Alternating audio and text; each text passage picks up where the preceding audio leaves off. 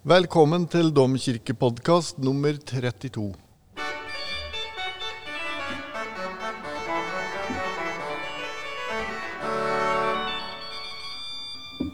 Hva er det for noen rare greier?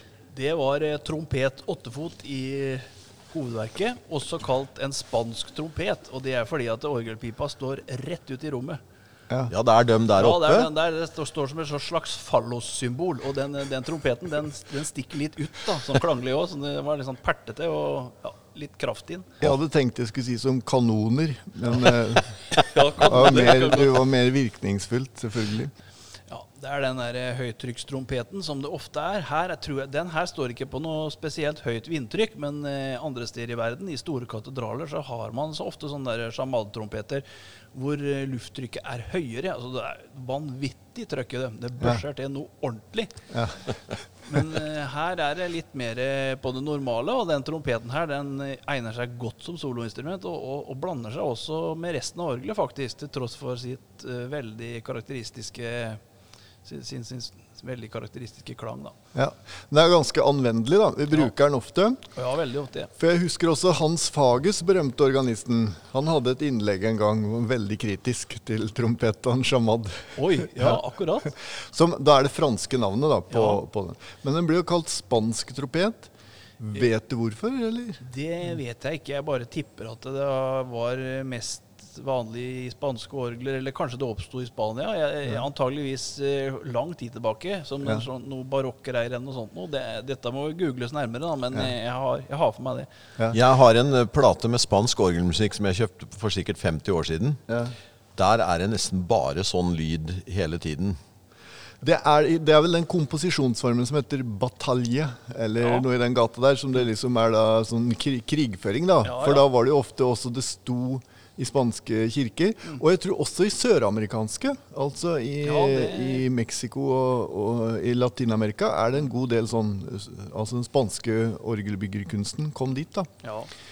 Med den forferdelige kolonialismen for øvrig, men det er jo ikke orgelet sin skyld, da. At det, men at det sto to orgler mot hverandre på hver side i koret. Og så var det noe sånn voldsom liksom, sånn, uh, krigføring da, Ja, ja, mellom de to orglene. Ja, ja. Men i dag så skal det jo bli ganske bra trøkk for, for dagens gjest, det er Guttorm Guleng. Mm. Vi sitter bare og venter på han skal eh, dukke opp. Og da har vi laget, skal vi ha en jobbsuite spesial. Egil Hovlands jobbsuite, suite nummer to for orgel. Ja, Den har du spilt, Dan. Ja, det er heftige saker. Jeg husker når jeg begynte å spille orgel, og det må jo da ha vært sånn midt på 70-tallet en gang, så sa han orgellæreren min, skulle liksom sette meg litt inn i de forskjellige tradisjonene, da, at du har jo den rabulisten Egil Hovland nede i Fredrikstad, som legger hele albuen ned på orgelet, Ja. og så viste han meg den starten av jobbsuiten, da, som vi snart skal få høre når Guttorm kommer her.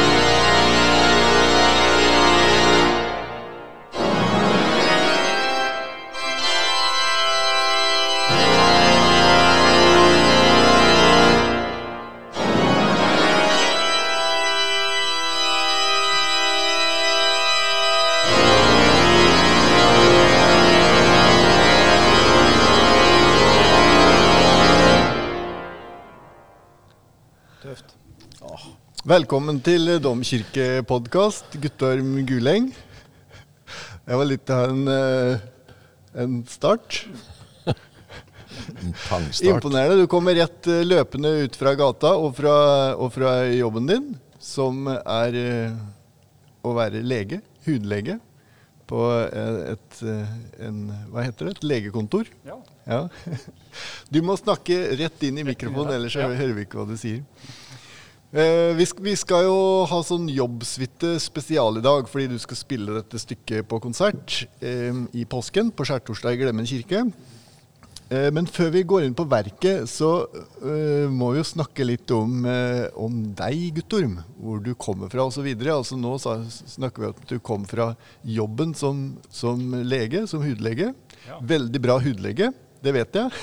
For jeg, jeg har eh, tvillinger som var tenåringer for noen år siden og hadde store problemer med uren hud. Og de var hos Guttorm og fikk eh, forbedra livene sine, virkelig. ja, men så hyggelig. Så det, jeg har kanskje en mistanke om at det med å bidra til å forbedre menneskers liv er en slags drivkraft for deg, eller? Alltid det, vet du. Ja, Ja. da. Det er jo motivasjon i seg selv, det. Ja. Nå fikk jo jeg gåsehud etter den åpninga her, da. Jeg vet ikke om det er noen behandling eh, for det. Jeg skal, vet du hva, det, var, det med hud, det, det, er det må vi jo snakke om i forbindelse med jobb, da. Altså, vi må jo det. Ja, Eh, ja. Men eh, vi, vet, jeg vet ikke om du vil ta det nå, men eh, Jo, kjør på. Jo, for det er jo altså Historien om jobb er jo selvfølgelig både for meg som lege viktig, altså hvis man ser på det fra et rent medisinsk, altså det med lidelse, da. Eh, men særlig også spesielt som hudlege. Eh, fordi jobb eh, vi, vi kan jo rekapitulere litt raskt historien om jobb. altså Det starter jo det starter jo med at Først så er, det, så er det jo i landet Us bodde en mann som het Jobb. ikke sant? Så, så, så fortelles det litt om jobb, da. Men så er det jo da at det hendte seg at Guds sønner møttes, altså, og da blant dem var djevelen.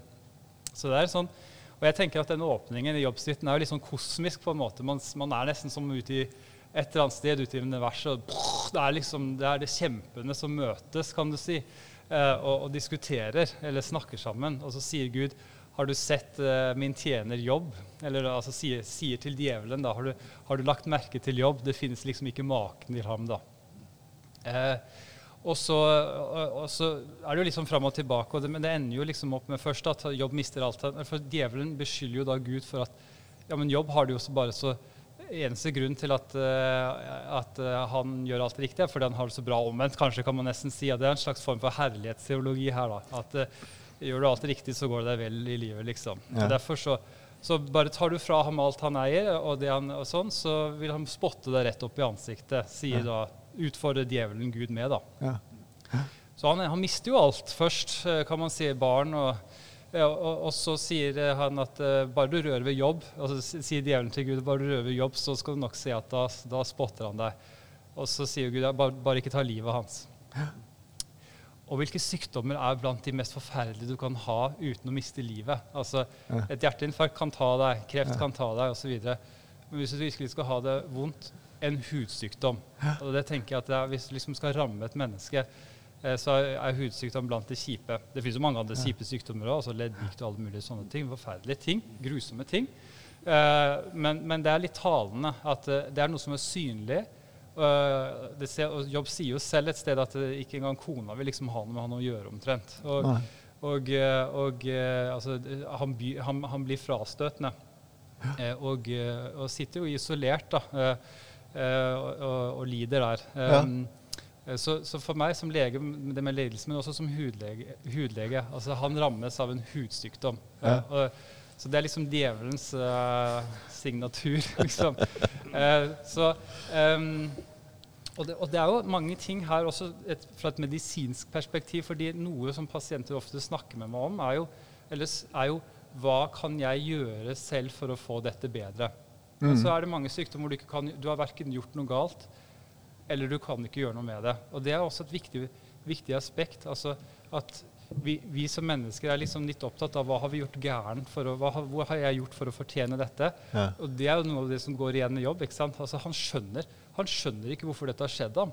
Eh, og, og, det, og det er jo noe jeg kan relatere til i legeyrket òg. Pasientene Hva har jeg gjort? Ja. Og så må vi trøste med å si at nei, du har ikke gjort noe gærent. Det er ikke noe du har spist. Det er ikke noe du har det er ikke noe. Eh, Det, dette er bare immunforsvar eller et eller annet som gjør det. Så det og Derfor så er jo jeg litt sånn Du nevnte begrepet uren hud her i sted. Ja. Og det er jo et begrep jeg vil litt til livs. da. Fordi, at, Ja. fordi det, det, em, det insinuerer at det har noe med hygiene å gjøre, f.eks. Ja, ja. Og, og, og det er jo en hudsykdom, og det, hygiene er- det er liksom ikke noe del av det, sånn for å si det litt enkelt. Så, Ja. så, så derfor så den, den historien taler på den, den er så viktig på flere plan, rett og slett. Dette var interessant, Dan. Det er jo litt sånn at eh, vi burde hatt litt legeutdannelse for å komme under huden på, på sånn interpretatorisk. Men, men eh, apropos utdannelse, for det, du har egentlig ikke utdannelse som organist, Guttorm? Eller eh, hvordan vil du beskrive det? Nei, bare privattimer. Ja, Mm. eh, Men eh, du spiller jo på et nivå som er eh, bedre enn de aller fleste organister. Eh, nå Senest når du spilte Vid- eh, sjette symfoni, så var Dan og jeg på generalprøven. Eh, Ja, og da var vi jo liksom helt eh, ja, det var svært flott. Det ordentlig var... hakeslepp. Ja. Så, så bare for sånn eh, veldig kjapt, så har du, du har f.eks. vunnet internasjonal orgelkonkurranse i, i Dublin. Ja. Ja. Hvordan, hvordan kom du dit? At du meldte deg på en, en eh, internasjonal orgelkonkurranse? Eh, det var da jeg var nettopp ferdig med turnustjenesten, så kom tilbake til Oslo.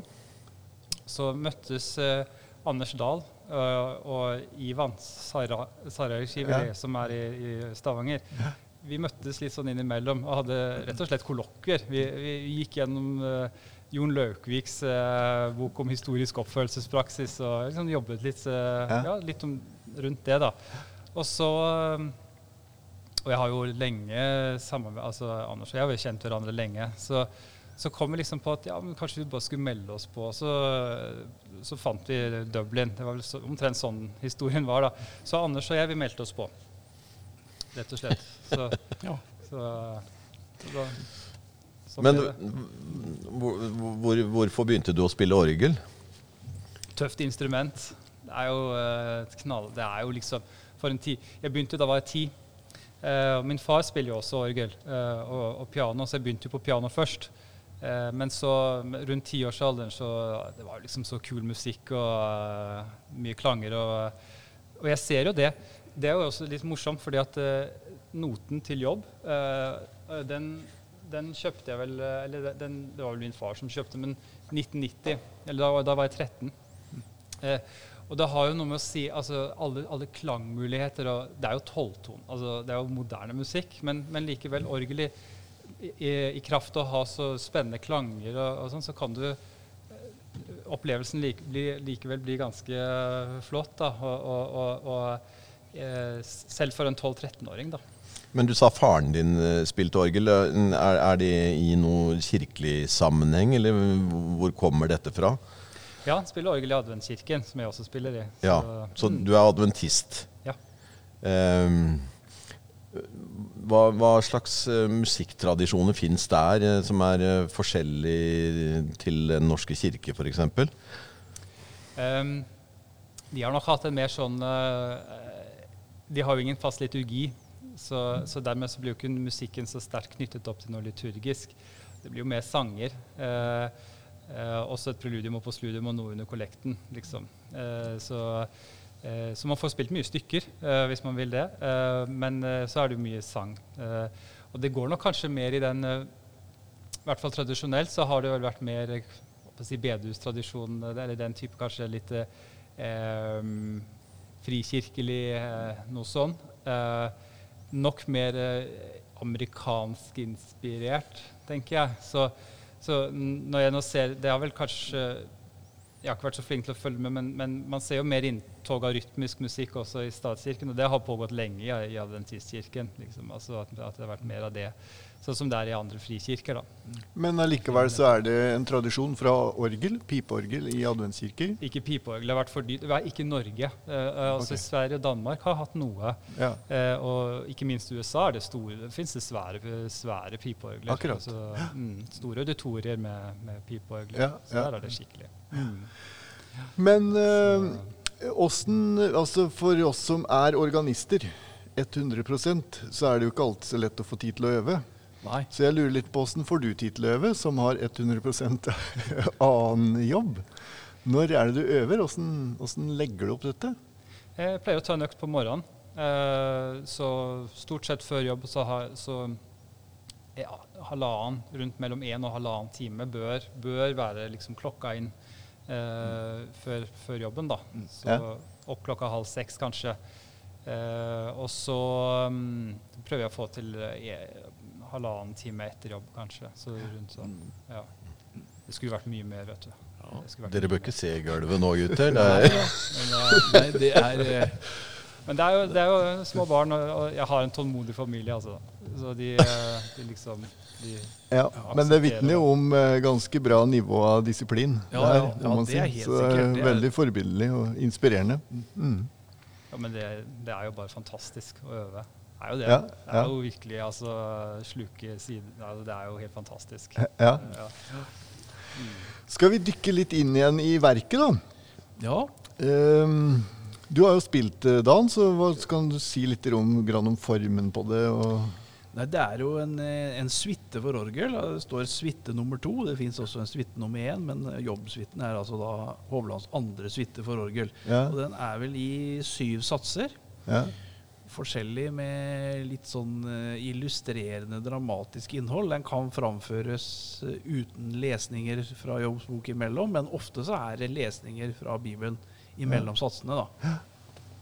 Vi hørte den første satsen nå. Veldig dramatisk. eh, Og det vanlige er jo at man beskriver det som altså den smerten som jobb føler. Men jeg, f- jeg syns også det er en sånn viss eh, følelse av triumf i det. En litt sånn fanfarepreg. ja, du har jo det. er jo heroisk eh, det er, jo, det er jo noe sånn eh, heroisk over det også. Ja. Er det jobb som er helten, eller hvem er det som ja, Jeg har jo tenkt det samme. Ja, det kan Ja. du si. Ja. Nei, for du gikk jo ganske inngående gjennom den beskrivelsen av de plagene jobb hadde. Men det ender jo på sett og vis godt, historien. Ja, altså det, og det er jo liksom noe av det som er fantastisk med altså, Gud snakker jo til slutt til jobb, eh, og, eh, og det blir jo han som på en måte Det står, det ikke, det står omtrent rett ut at det var han som hadde talt rett. Altså, altså Ja. det, Han gir jo på en måte jobb eh, det, altså det, OK, han, han får kreden til slutt, da, så må jo han gå og i forbund for de vennene, da, for alt Ja. det de har sagt. da. Mm.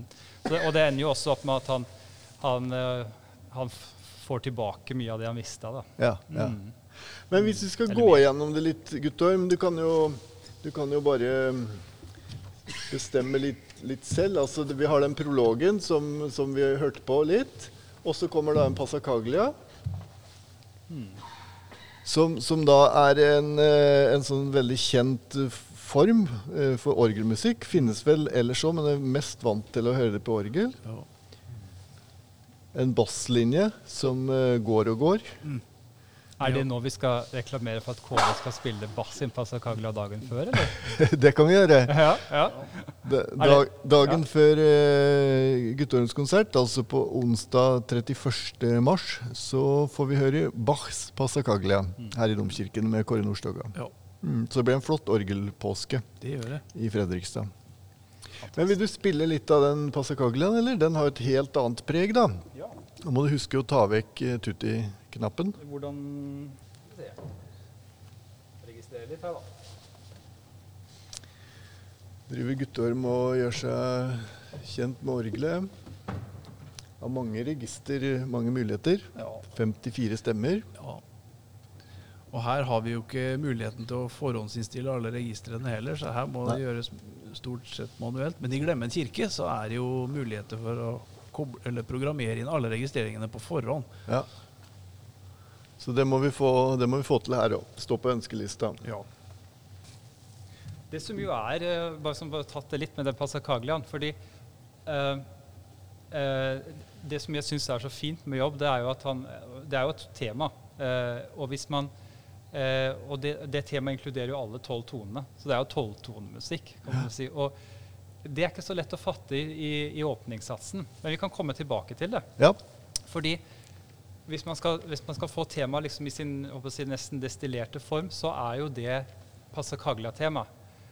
Så, så, så hvis man liksom Ja. vil ha crash course til, til, til tematikken jobb, så er det jo å høre på Passa Kagla-tema. Og, da kan- og det kan man finne det igjen i flere av de andre satsene. da. Ja. Så, Og bare for å veldig kort av det, så er det altså tolvtoneteknikk. At man bruker alle tolv tonene i skalaen. mm. Og det er jo da noe som gjør at det føles litt atonalt, kan man si. Mm. Og at eh, det tonale sentrum viskes ut, da. Mm. Så det er, dette er jo blant de modernistiske komposisjonsteknikkene. Som, de kom jo atskillig tidligere, men det var jo likevel ikke ja, Det er jo fortsatt ikke sånn at man er så vant til det. Nei. Så dette stykket ble vel skrevet i 73 rundt der, starten av 70-tallet. Ja. Helt riktig. 11 års, eh, 1100-årsjubileet for Norges Samling. Så. ja, akkurat. Mm. Da hører vi litt på Passacaglia.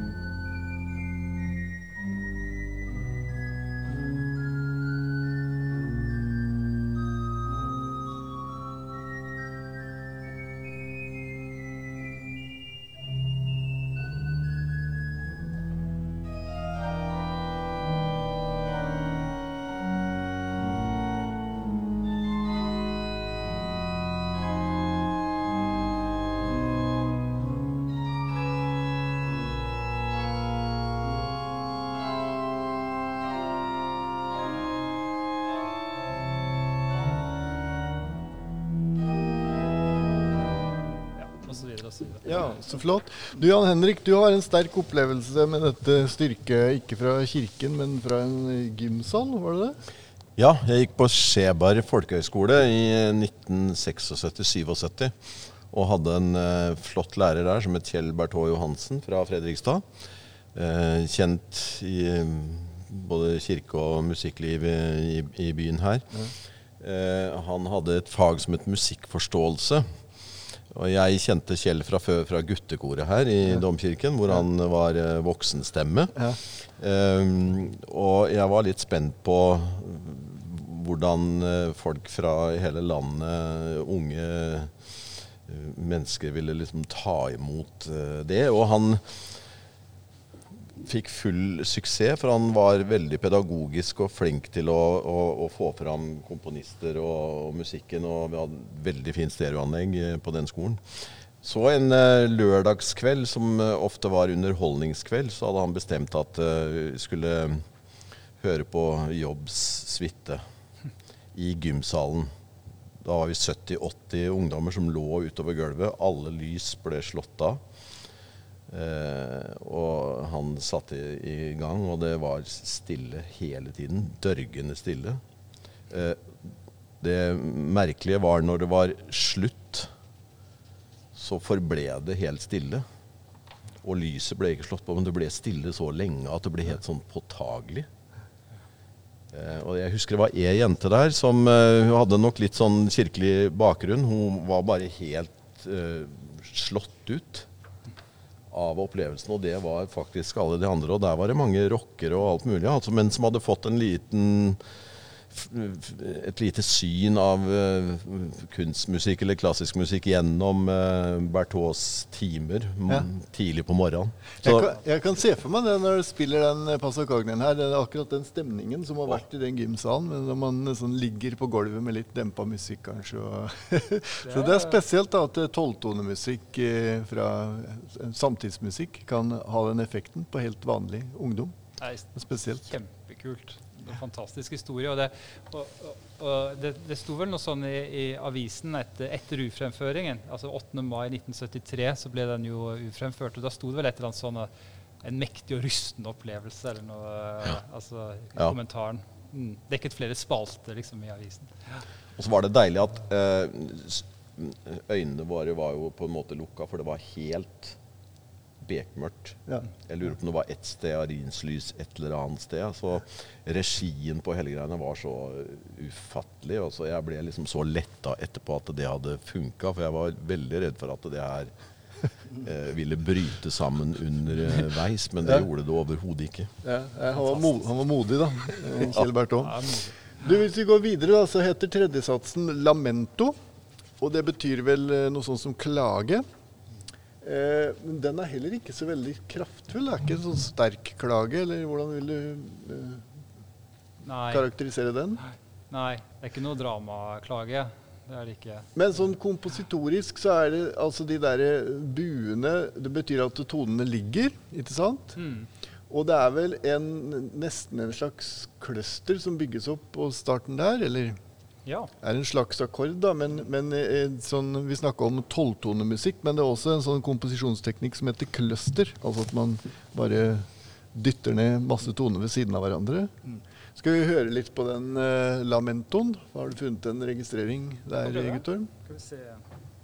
Uh, her er det jo de ti, ti av de tolv tonene som legger seg som en cluster først. Ja. Så, løser, så det er jo samme, samme um, samme sekvens, da, bare minus et par av de to siste.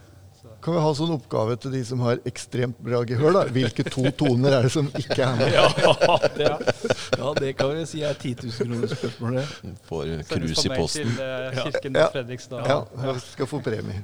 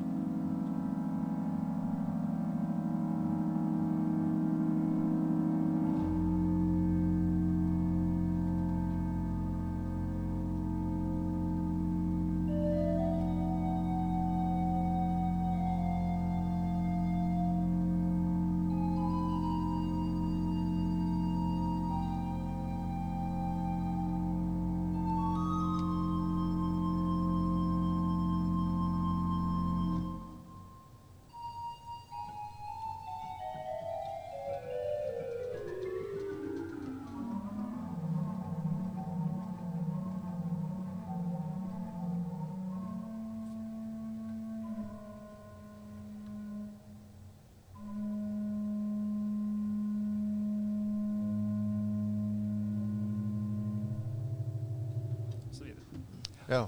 Tar seg veldig god tid med det, med det stykket. Liksom sånn.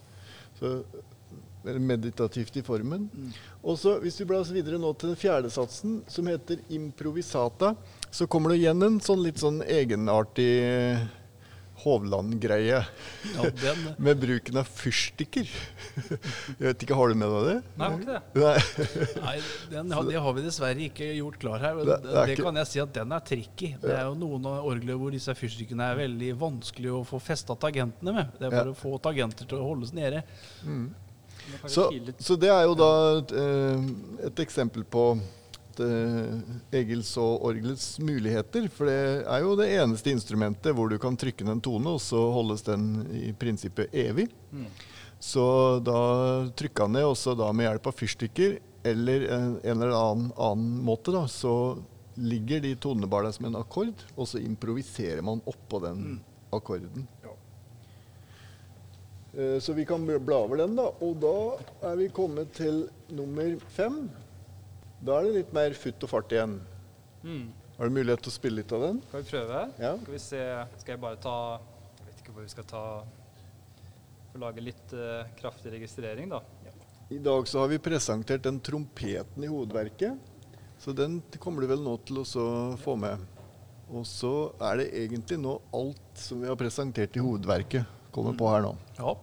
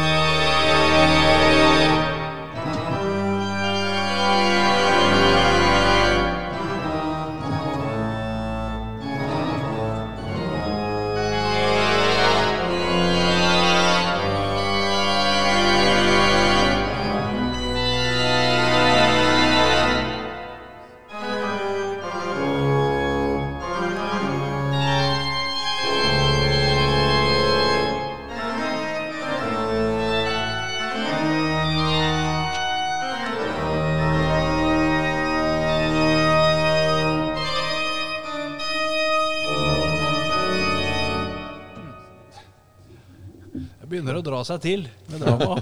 Ja. Må jo selvfølgelig se litt annerledes, men det, dere får ideen, liksom. Ja. Karakteristisk med disse der raske bevegelsene. Ja, Litt sånn forsikringsaktig. ja litt sånn arabesk. Ja, det blir litt Ja. sånn orientalsk over det. Ja. Ja. Til dels i pedalen nå. ja. Det gikk det fort. Jeg kan skrive under på at det er litt kronglete, de pedalstilene her. Responsorium har han kalt den. Og så, som Dan sier, så begynner det å dra seg til. For når det da ja, Det var responsorium 1, og så sats 6 er responsorium 2. Og da er vi skikkelig tilbake i den clusterteknikken igjen. Hvordan vil du karakterisere den satsen, Guttorm? Ja, den er jo Den er intens. Altså, Ja. Det er liksom bare tut og kjør, det, omtrent. Ja. Um,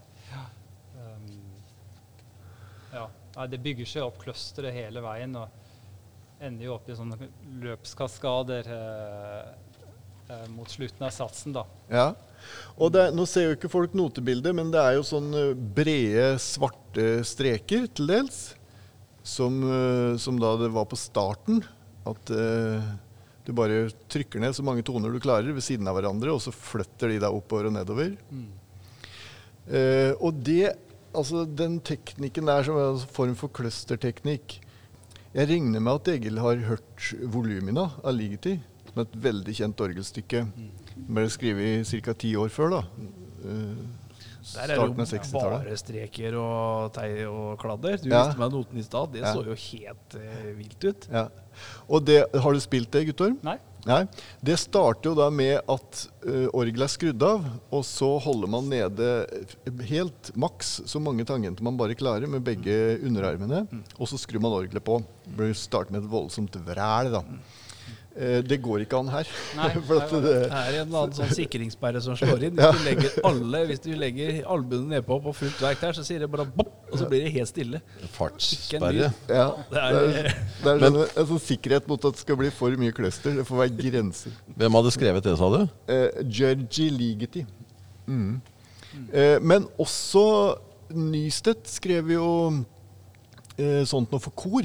Eh, og det er jo enda vanskeligere å få til. Ja. Uh, det, det stykket som ikke kom på, hva heter det nå? 'Fra dypet roper jeg til deg'. De profundis. Det er profundis, ja. Det har jo sånn notasjon for eh, kor. Så det var, jo, det var jo kjent på den tiden, men det var, det var ingen som jeg vet om som i hvert fall ikke nådde så langt ut med det da, som, eh, som Egil. Så mm, skal du spille litt av den Responsorium 2? Jeg kan prøve. Ja. Da må jeg bare spille litt annerledes da, med disse her Ja, Ja, det spørs det, for ellers så blir det nok eh, bare helt stille. Bare stille, ja. ja. Vi kan prøve.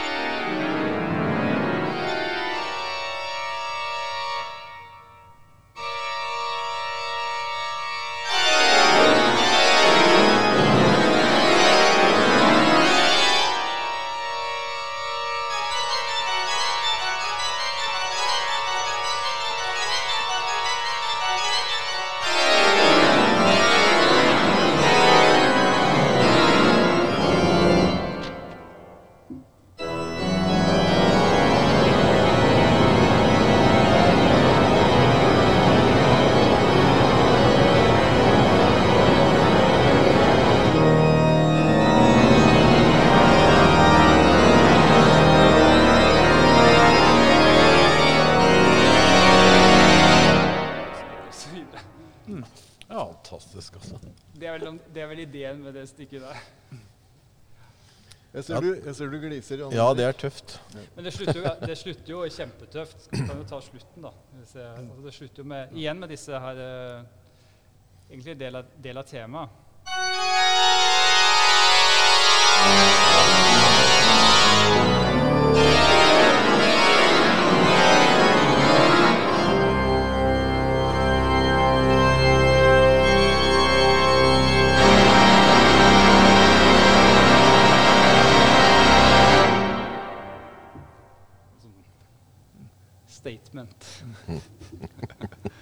Det er, det er fantastisk musikk, altså. Ja. Det røsker skikkelig. Ja. Og så det, jeg sitter i hvert fall med en sånn følelse av veldig, veldig sterk musikalsk kvalitet. da. ja. Rare greier. Ja. Skrive svarte streker av Ja, ja, ja. partitur, og så blir det fantastisk det er musikk. utrolig, altså. Ja, men da nærmer vi oss slutten, da. Siste satsen igjen. Så hvis du skulle spilt noe av slutten her, Guttorm, eh, hva ville du tatt da? Vanskelig å ikke satt, satt registrering, men ehm, kan du ta bare litt, litt, på, inn, litt på åpningen, da? Kanskje. Starter jo veldig enkelt og, og svakt. Skal vi se. Nå kommer kvintatøn i positive, tipper jeg han bruker nå. Det er en av mine favorittstemmer. Den må vi presentere etter hvert. Der var den, ja. Der var den. Hvorfor heter den kvintatøn, tror du da? Det er jo en eh, overtone på en eh, kvint som ligger eh, Noe kvintaktig som ligger halvannen oktav over den tonen du setter an. Ja. Dette må vi ha et slags foredrag om. Det Vi har også den derre 16-foten i hovedverket. den også, den er ja. er også veldig kvintete. Ja. Den er litt problematisk. Den kan være det noen ganger. For at den kvinten den, Det er jo ofte med 16-føtter som blir foreskrevet at vi ikke vil ha den kvinten. Ja. Der har vi, der har vi Der. Der har vi det.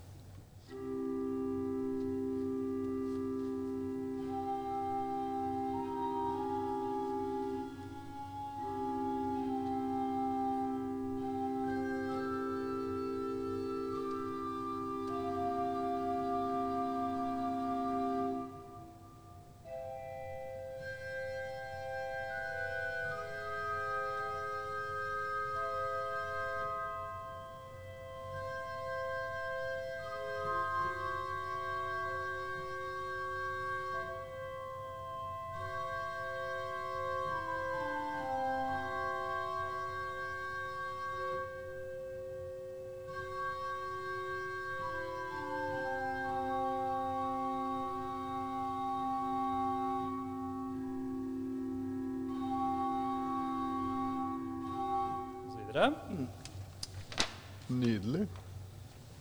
Det jeg, stus- det jeg, har stussa litt der, det er at vi, hører ganske mye Det er mye tritonus her. I, altså, i, og det er jo en litt sånn djevelsk eh, Djevelens djevelsk intervall. Ja. Og djevelen spiller jo en ganske sånn sterk rolle i, jeg vet, Men jeg aner jo ikke om, om, om det er en bevisst altså, Er det en slags eh, djevelsk resignasjon her, på en måte? For, Ja. eh, altså, for det, det er en sånn altså, I og med at Gud på en måte får rett til slutt, da. Ja, jeg, Jeg jeg tenkte på det når du spilte den. Jeg har en slags sånn følelse av avklaring. Ja. Eh, stedet. Mm. Jeg vet ikke. Men eh, Nei, fin, fin tolkning. eh, så bygger det seg opp. eh, det kommer jo en sånn passasje hvor, eh, hvor det lages et crescendo. Det blir vanskelig å ta her nå, men vi kan jo Altså hvor, eh, hvor det blir en figur som gjentar seg.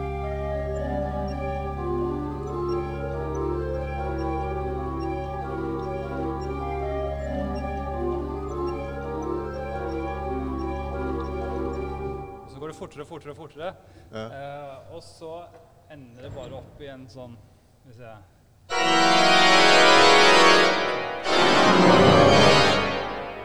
Og så er det jo stormen, da. Eh, altså det reder jo over det, for det er jo Herren talte ut av stormen. ikke sant? ja. ja. Og da er, det jo, da er det jo at man skal liksom slå da, på tangenten. Da. Skal vi se.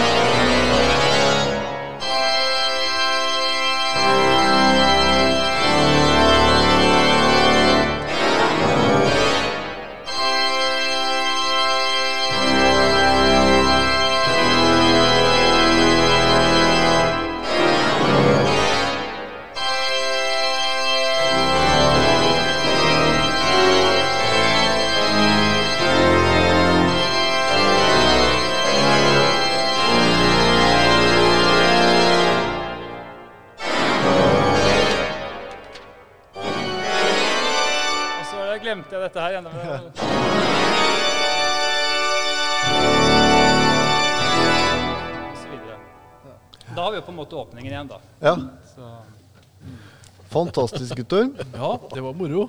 Utrolig flott at uh, du ville komme og være gjest hos oss og presentere dette verket. Må vi bare nok en gang gjøre reklame for at eh, det blir spilt i Glemmen kirke torsdag, skjærtorsdag 2. april Ja, klokka 19. tror jeg. Eh, jeg tror 20. Klokka 20. 20, ja. mm. Hvem- Er det noe lesning eh, Det blir lesninger, ja. Ja? Mm. Hvem skal lese? Jeg tror det er Lars Tore Bø.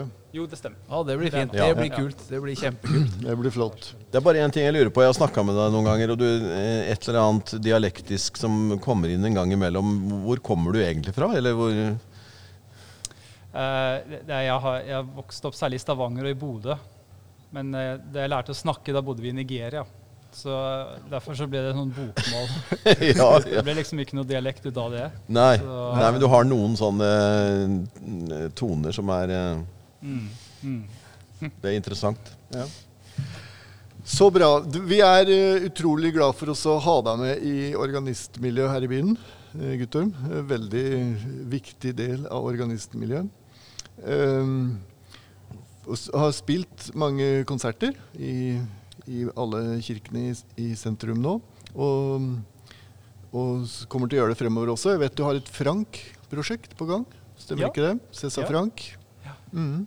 Det har jo vært eh, vi, um, blitt veldig glad i å liksom gå under huden på ting, da. Så, eh, så uh, For noen år siden så tok jeg jo alle Mendelssohn-sonatene og, Mm. og, og med, andre, med andre orgelsonater i, i Glemmen. Eh, og i fjor så var det jo alle Vierne-symfoniene. Mhm.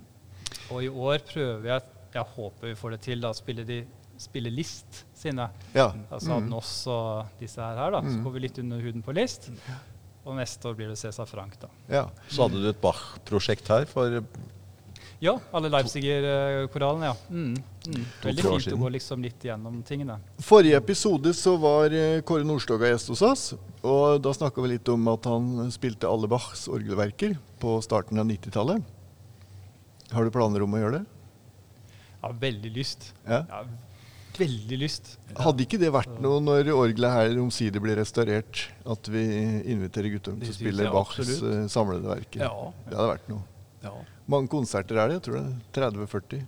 Kåre sa det, men Nå gliser du igjen, Jan ja, Nei, ja, men jeg gliser av alt vi er Ja. på her, ja.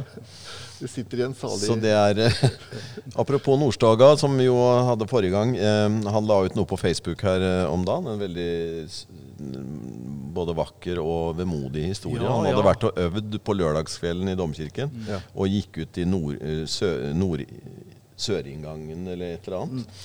Der lå det en uteligger i en sovepose. En eldre, vennlig nordlending, skriver han.